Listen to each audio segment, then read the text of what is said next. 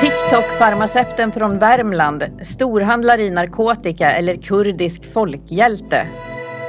Misstänkta utpressare fastnade i polisens fälla vid Hundrastgården. Hej och välkommen till NVT Krim, en podd om värmländska brott. Jag heter Rosa Asplid och är kriminalreporter på Nya Värmlandstidningen, precis som min kollega Nicole de Boursan. Välkommen! Ja, tack, tack. Det är tisdag 20 februari och klockan är eh, nästan tre på eftermiddagen när vi spelar in den här podden. Och eh, idag ska vi tala om en eh, farmaceut vid ett eh, västvärmländskt apotek. Han har förutom att eh, jobba på apoteket även eh, använt sig av appen TikTok där han har gett tips och råd om olika läkemedel. Och samtidigt misstänks han även ha trixat till sig narkotikaklassad medicin för miljonbelopp. Det här innebär att han nu står inför rätta misstänkt för synnerligen grovt narkotikabrott bland annat. Nicole, du vet mer om det här. Det är ett fall som avslöjades i somras. Vad, vad kan du berätta om det här? Vi kan ju börja med att prata om, eh, om den här mannen då som är i 50-årsåldern. Han kommer från början från Syrien Eh, han är eh, kurd, vilket kommer att vara relevant i det här fallet som vi kommer att höra sen. Han har bott länge i Sverige, han blev svensk medborgare 1998 redan. Mm. Han eh, flyttade efter en tid till Norge dock och där bildade han familj och skaffade barn och sådär. där bodde han kvar. ganska länge? Ja det gjorde han. Så det var för några år sedan som han kom tillbaka till Sverige och då till Värmland. Eh, och började jobba som farmaceut på ett eh, västvärmländskt apotek. Och mm, där hade han en tjänst som läkemedelsansvarig vilket betydde att han har ansvar för ja, att plocka in läkemedel helt enkelt vilket skulle visa sig då vara en eh, avgörande i det här fallet ja, kan man säga. viktig och avgörande faktor. Mm. Och eh, det här är också en tjänst som ger några extra tusen lappar i, i lön varje månad så mm. han var ganska välbetald. Mm. Ansvarsfullt mm, arbete helt enkelt. Ja. Ja.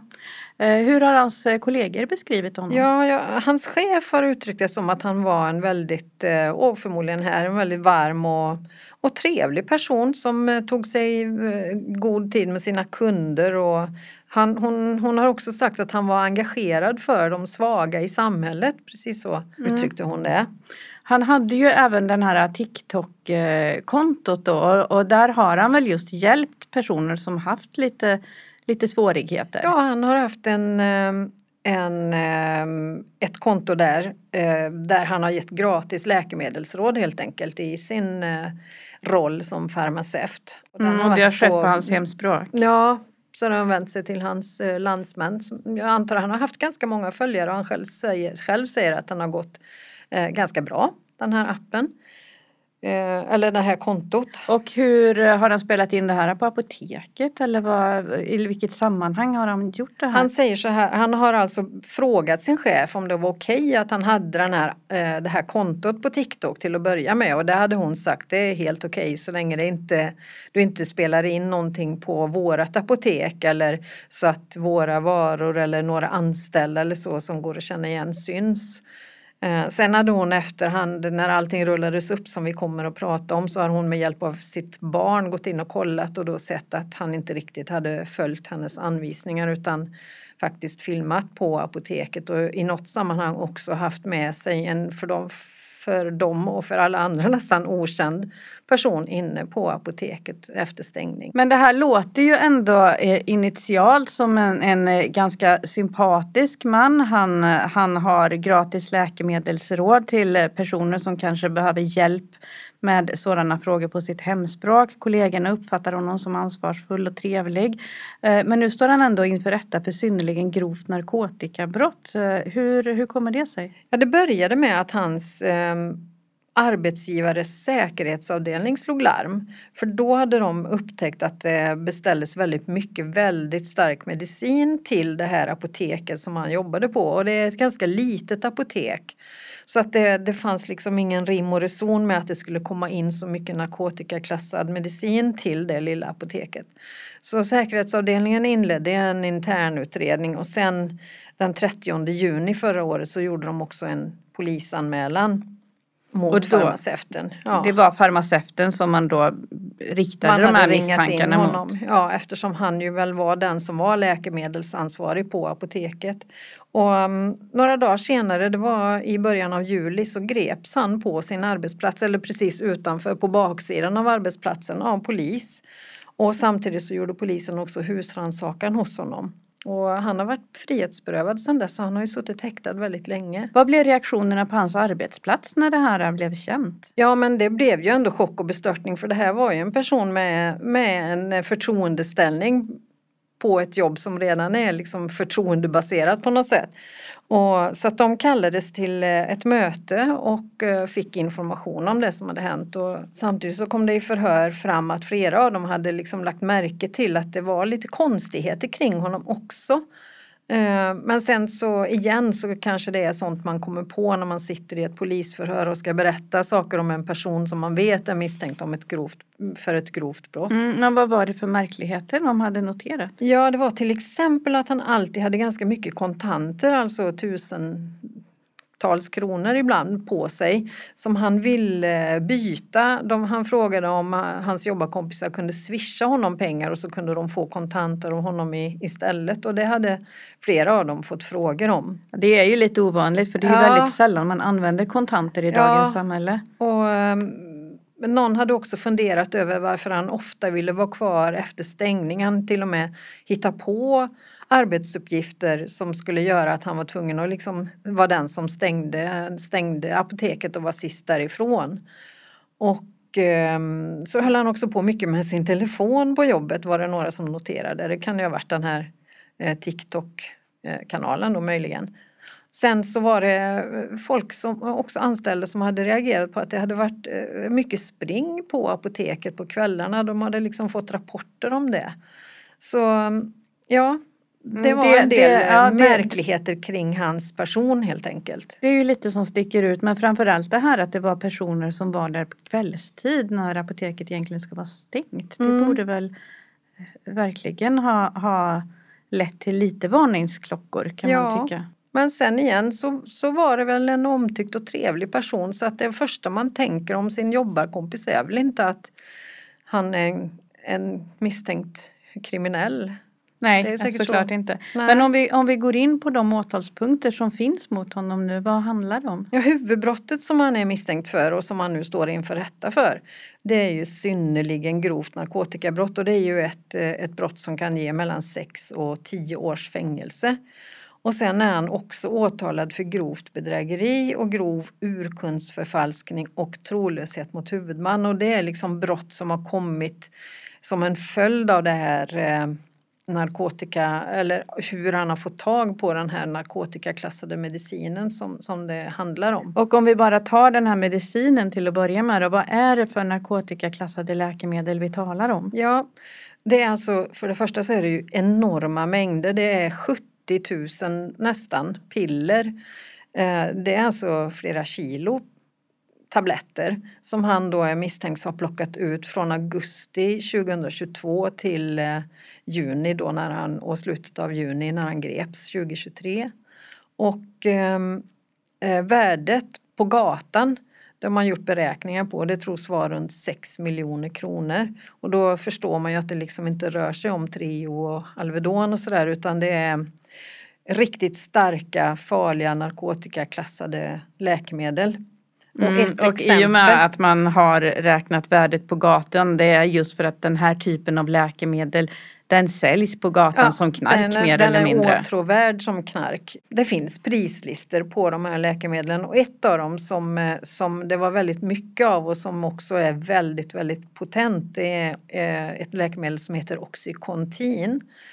Och väldigt starkt, två gånger starkare än morfin beskrivs det som. Ja, och, väldigt eh, beroendeframkallande också ja. tror jag. som alla de här eh, medlen är. Och det, det har legat i förpackning med väl, väldigt stora doser. Varje litet piller har varit på 80 milligram och det är em, en läkare som har förhörts om det här.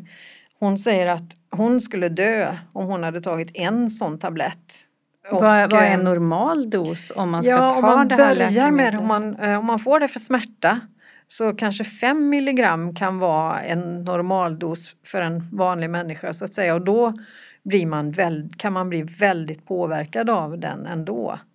Eh, Den här läkaren kallar 80 milligram för en helt bizarr styrka. Det Och- låter ju som att det skulle kunna vara en dödlig dos nästan. Ja, det är en dödlig dos. Eh, Det sa ju den här läkaren också att om hon som inte har använt morfin tidigare eller vilken människa som helst som väger, ja inte väger jättemycket eller har jättemycket muskler och, och så tar en 80 milligram så, så upphör förmodligen andningen och man kan dö.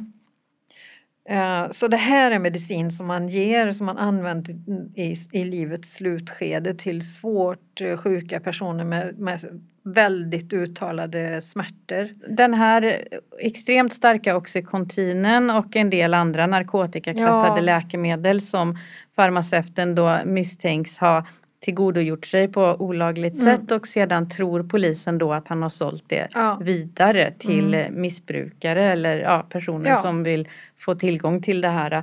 Eh, har man någon uppfattning om hur mycket han kan ha tjänat på den här Ja, verksamheten? i åtalet står det 1,4 miljoner. Men det står också i förundersökningen och åklagaren har också sagt att det är väldigt lågt och försiktigt räknat. Man tror ju till exempel att den här handeln, eh, den här olagligheten har pågått längre än sommaren 2022 som, som, som är med i åtalet. Mm. Så um, förmodligen rör det sig om mer men det man, han är åtalad för är runt 1,4 miljoner. Även om man då är farmaceut Mm. och dessutom läkemedelsansvarig på sin arbetsplats. Hur är det ändå möjligt för honom att kunna plocka ut den, de här mängderna läkemedel Mm. från arbetsplatsen? Det, ju, det krävs ju förslagenhet och det krävs ju att man eh, känner och kan systemet såklart. Så det är inte, in, inte jättelätt men han har ju verkligen kunnat systemet. Men sen har han också utgett sig för att vara både ehm, existerande läkare och, och existerande patienter. Så han har alltså i läkare, han har fejkat recept eh, som han har skrivit ut i läkares namn, då, läkare som finns men inte har haft en aning om det här och sen har han skrivit ut den här starka medicinen till eh, existerande patienter, ofta med frikort. Och sen har han he- hämtat ut medicinen själv. Mhm, så Ja, varken, varken läkare, eller, eller- nej. patient, ingen, av dem har, vet nej, om. de har inte vetat om. Jag antar att de hade kunnat, man som patient hade kunnat råka få reda på det om man tittar i sin egen journal, vilket man ju kan göra nu. Men eh, det är ingen av de här patienterna som är förhörda som har vetat om det alls. Och det här att han just då har valt ut att skriva ut det till patienter med frikort. Det betyder då att det inte har blivit någon extra kostnad för, för respektive patient utan det är regionen som har stått för den Ja, och- kostnaden för mm. läkemedlet då. Och enligt åklagaren så har ju det också då lett, betytt att han själv inte har behövt ligga ute med så mycket pengar när han hämtade ut medicinen i de här ovetande patienternas namn. Mm.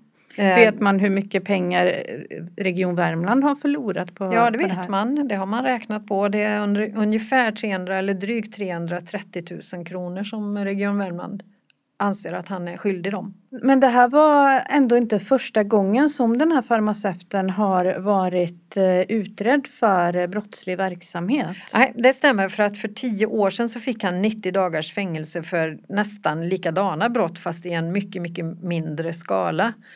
Och eh, det var i Norge. Och då, det var också i att, egenskap av att han var farmaceut Ja. då?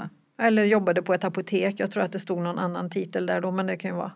Han jobbar på apotek då också. Mm. Så han har tagit ut läkemedel Mm. och sålt vidare. Mm. Sen, så det är han dömd för och sen är också nära anhöriga till honom dömd för penningtvättsbrott. Eh, och då ska de ha, polisen hittade tre miljoner kronor i en påse under ett bord hemma hos de här anhöriga. Det är ju ingenting som man egentligen kan lägga honom till last men, men det är en faktor ändå som kanske, ja som åklagaren vet jag tyckte var lite intressant. För tre år sedan så hittade polis då tre miljoner kronor i kontanter hemma hos anhöriga till mannen då när de fortfarande bodde i Norge.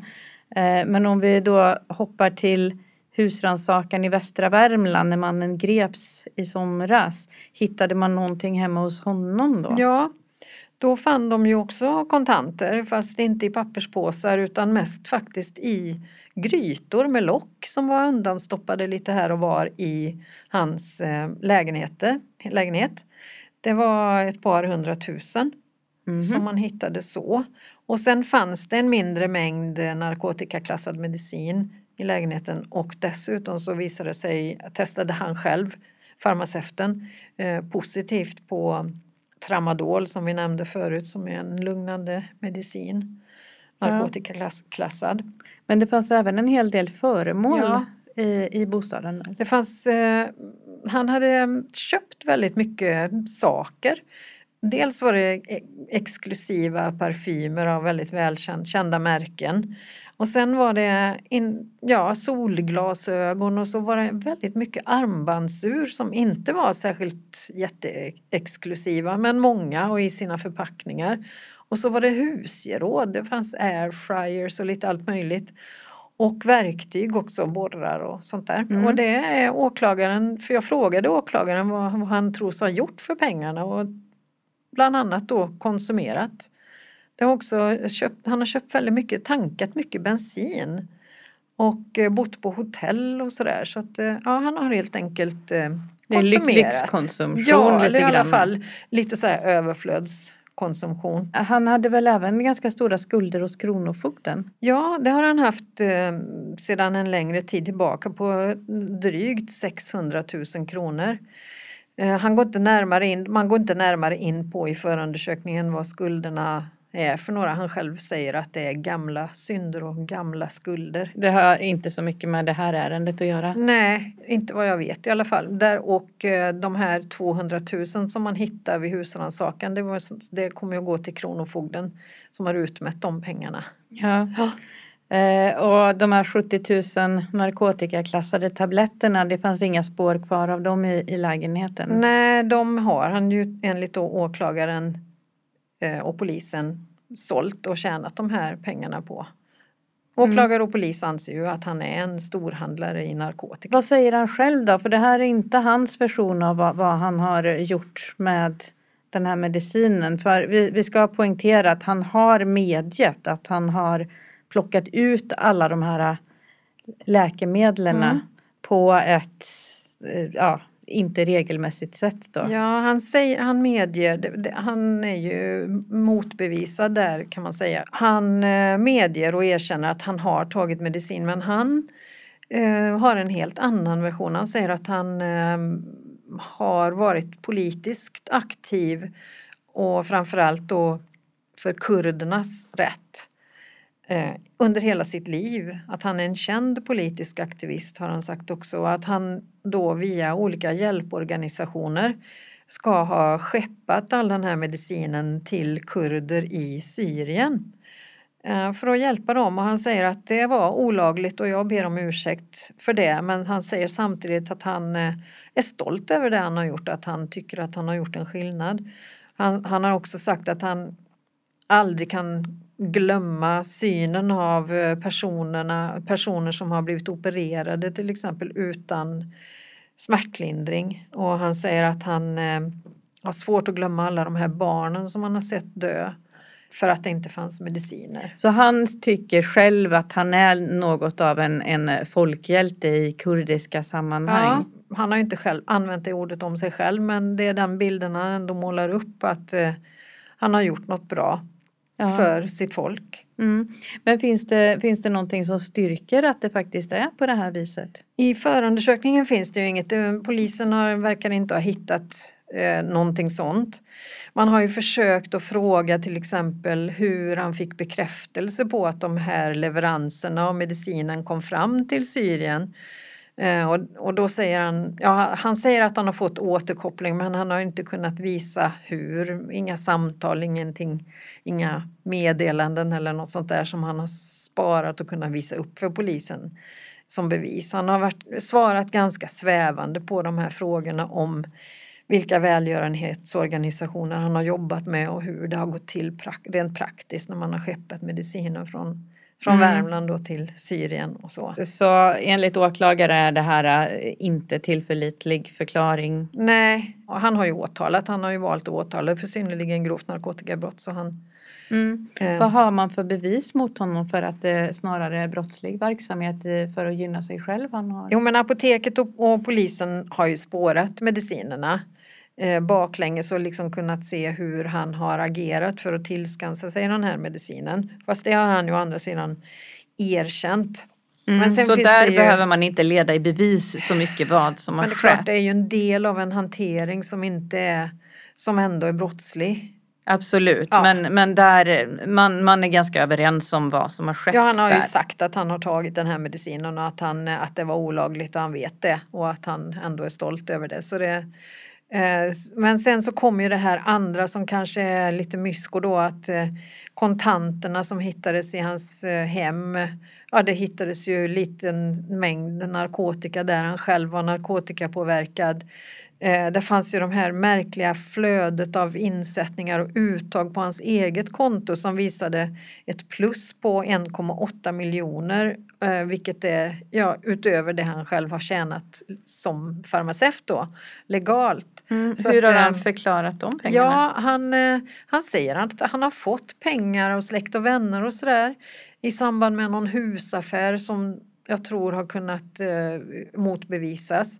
Men sen eh, säger han också att han tycker att 1,8 miljoner låter väldigt konstigt och väldigt mycket. Eh, ja, så det, det, det är lite vagt mm. allting. Han har helt enkelt inte någon jättebra förklaring själv till de här stora inte, summorna. Inte till att det skulle vara så mycket pengar, däremot att eh, han har fått insättningar av just släkt och vänner och sådär i olika sammanhang det tror jag möjligen att han kan bevisa en del av i alla fall. Mm. Det har ju även framkommit eh, en koppling till Örebro när polisen har utrett det här. Vad handlar det om? Ja, det var i slutet av den här utredningen mot honom som polisen här i Karlstad fick eh, eller blev kontaktad av Örebropolisen som hade haft span på en misstänkt eh, narkotikalangare ett tag och gjort husrannsakan hemma hos honom också. Och då hittade man Oxycontin 80 milligrams i förpackningar och eh, när man skickade den här förpackningarna till NFC för analyser så eh, fanns farmaceutens fingeravtryck på en tejpbit till en av de här förpackningarna. Så polisens teori är att den kartongen med Oxycontin har den här narkotikaförsäljaren i Örebro köpt utav farmaceuten ja. i, i Västvärmland. Ja. Och, vad, vad, säger farmaceuten om det här? Ja, han eh, säger att han blev helt bestört när han fick höra det här om fingeravtrycket och att han inte har en aning om hur det där har hamnat där och det kan ju finnas en massa natur, naturliga förklaringar. Man har inte hittat någon annan äh, koppling heller mellan den här örebroaren och eh, farmaceuten. Så det finns liksom inget mer än det här lilla fingeravtrycket då på en tejpbit som, som förenar dem eller hur man ska uttrycka det. Örebroaren säger till exempel att han inte har en aning om vem, vem farmaceuten är.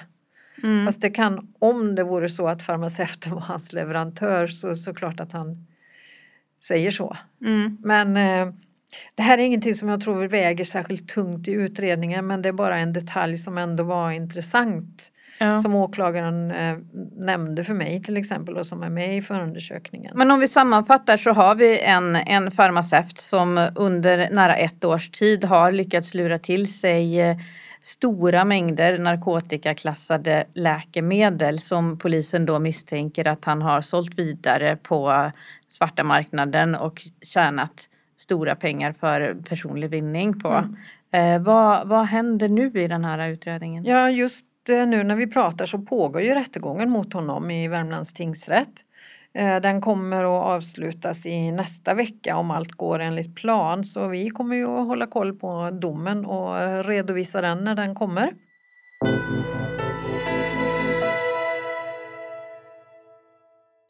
Oj, nu ringer chefen här också. Ja, hallå?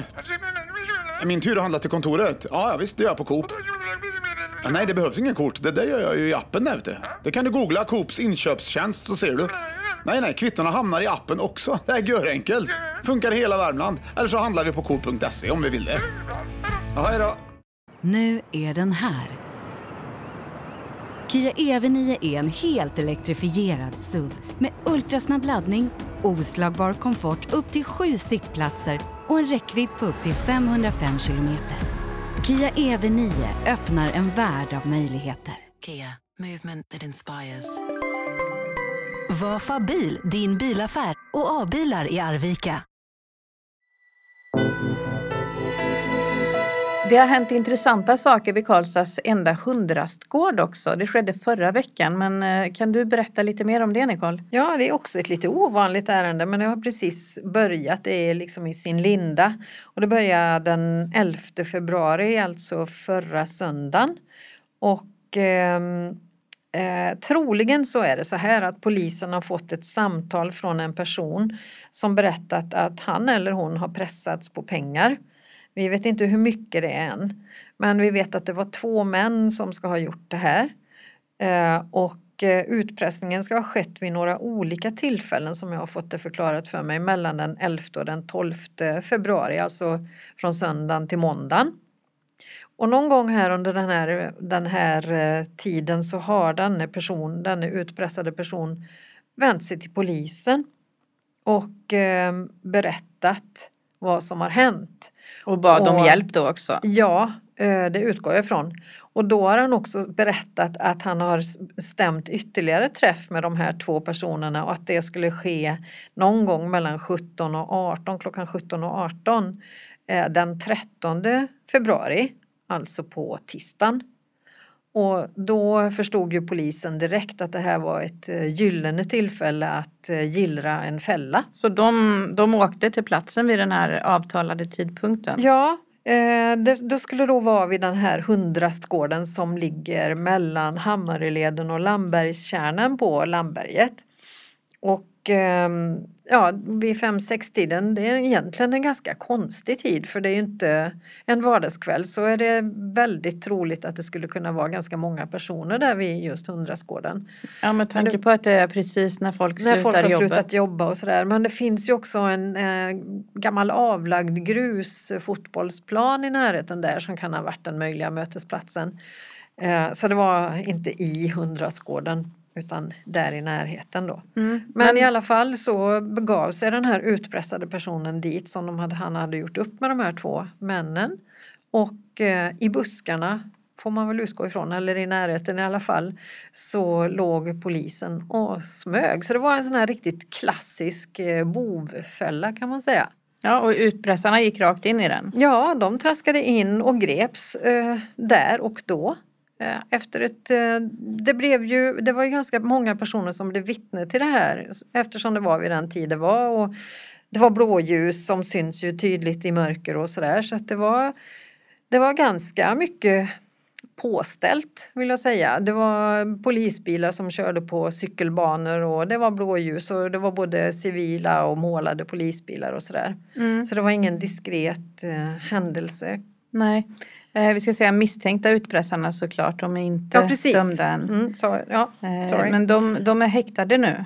De häktades i fredags och en av dem har eh, överklagade till hovrätten men jag pratade precis med hans eh, advokat innan vi gick in här i inspelningsstudion och han, hovrätten avslog det överklagandet och så de sitter häktade misstänkta då för utpressning och övergrepp i rättssak och det betyder ju att de har liksom försökt att hota honom till tystnad. Alltså att han inte skulle kontakta polis, vilket han ju gjorde då Ja. ändå. Vad vet vi om de här två männen? För det är två män det handlar om. Ja, det är två män. De är i 30-årsåldern. Båda verkar ha fasta jobb. Um, hyfsat vanliga jobb, hyfsat vanliga killar.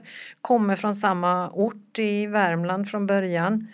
Ehm, kanske barndomskamrater. En av dem har eh, sportig bakgrund och också har eh, haft vissa framgångar i sån här fitnesssport kan man kalla det för. Tävlat upp på Europamästerskapsnivå i det. Så, mm, och han är dömd för dopningsbrott och eh, möjligen någon rattfylla också men den andra är, ostraffad och okänd. Det är li- lite ovanlig bakgrund för den här typen av brott som man oftare ser i mer kriminella kretsar. Ja, man brukar ju förknippa det med liksom gäng. Både mc-gängen och de här stadsdelsgängen har ju, har ju det liksom i sin verktygslåda. Så, men det kan ju vara möjligt att de också jobbar åt någon annan. Men det är inget som har framgått så här långt. Nej, vad har de själva för inställning till det här? Eh, den ene, han som är ostraffad sedan tidigare också säger att Eh, eller hans advokat säger att hans klient har inget med det här att göra. Båda förnekar brott.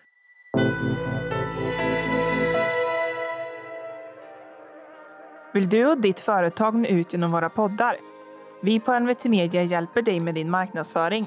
Kontakta oss på mediepartner.nvtmedia.se så berättar vi mer.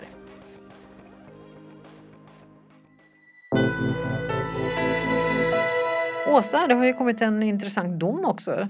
Ja, det är ju domen som rör det uppmärksammade John Walter-fallet som vi har pratat om flera gånger tidigare i den här podden. Händelsen ligger ju ganska långt bak i tiden nu. Det var i juni 2021 som femårige John Walter lyckades rymma från ett HVB-hem i eh, Hagfors, ta sig ut en tidig morgon och Eh, ja, hamnade så olyckligt så att han drunknade i eh, Uvån. Det här ledde ju till en eh, jättestor polisutredning där två av de anställda kvinnorna på HVB-hemmet så småningom blev åtalade för vållande till annans död.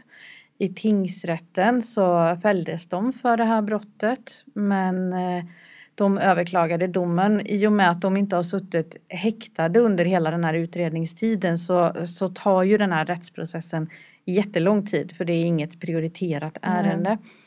Eh, och det ledde till att hovrätten nu i förra veckan eller om det var för nästan två veckor sedan slutligen kom med sin dom då. Och de väljer då att fria båda kvinnorna från eh, brott i den här. Mm. Hur resonerade hovrätten då? Det har ju varit väldigt mycket diskussioner om vad de gjorde eller inte gjorde under de här kritiska minuterna när John Walter lyckades smita ut från det här låsta HVB-hemmet. Och till största del har det handlat om en dörr mellan hall och vardagsrum. Eh, John Walter och några av de andra barnen var inne i vardagsrummet. De två kvinnorna som hade ansvar för att ha koll på barnen satt i en trappa och på en stol tror jag ute i hallen och tittade in i vardagsrummet. Men barnen hade någon slags lek som gick ut på att de slog igen dörren mellan hallen och vardagsrummet och kvinnorna öppnade den så fort de kunde. Och sen har man då Ja, det, man, det man som har varit den springande punkten är hur länge har den här dörren tillåtits vara stängd mellan kvinnorna och barnen. Tingsrätten ansåg det bevisat att eh, dörren var stängd så pass länge så att eh, kvinnorna ansågs inte fullgöra sitt ansvar att ha oupphörlig övervakning på barnen och man dömde dem därför för vållande till annans död. Men hovrätten har, har menat på då att det var så kort tid som den här dörren var stängd så man kan inte anse att det det är någon brist i, mm. i kvinnornas yrkesutövning.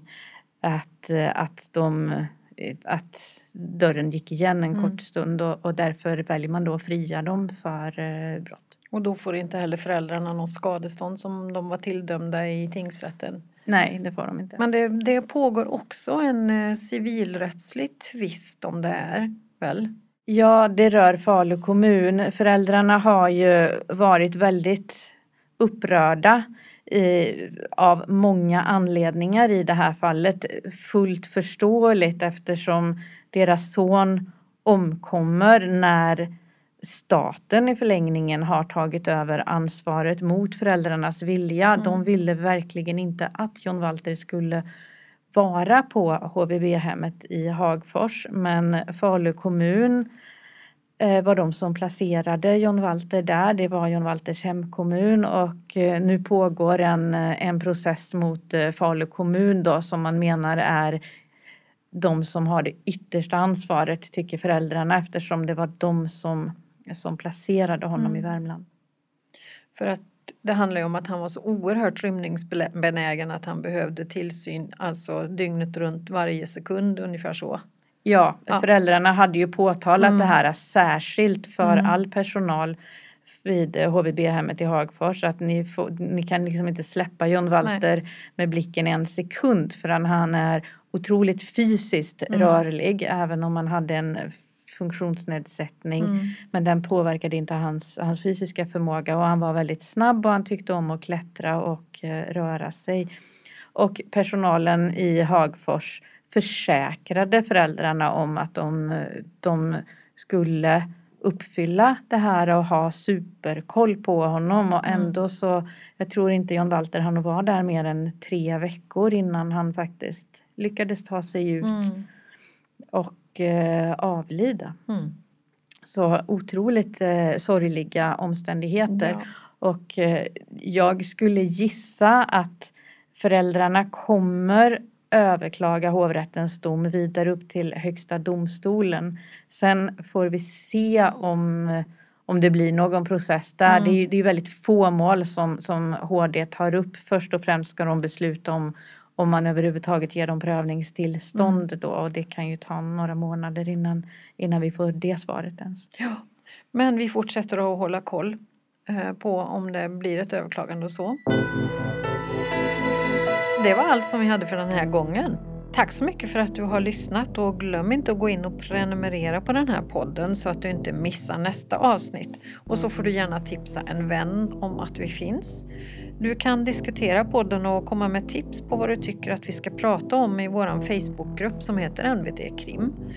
Och eh, du kan också mejla nyhetstips till oss på asa.asplid nvt.se eller till nicole nvt.se. Jag heter Nicole Dobochan och är kriminalreporter på NVT, precis som min kollega Åsa Asplid. Klipper podden gör Karl Edlom som också står för ljud och jinglar och ansvarig utgivare är Mikael Rotsten.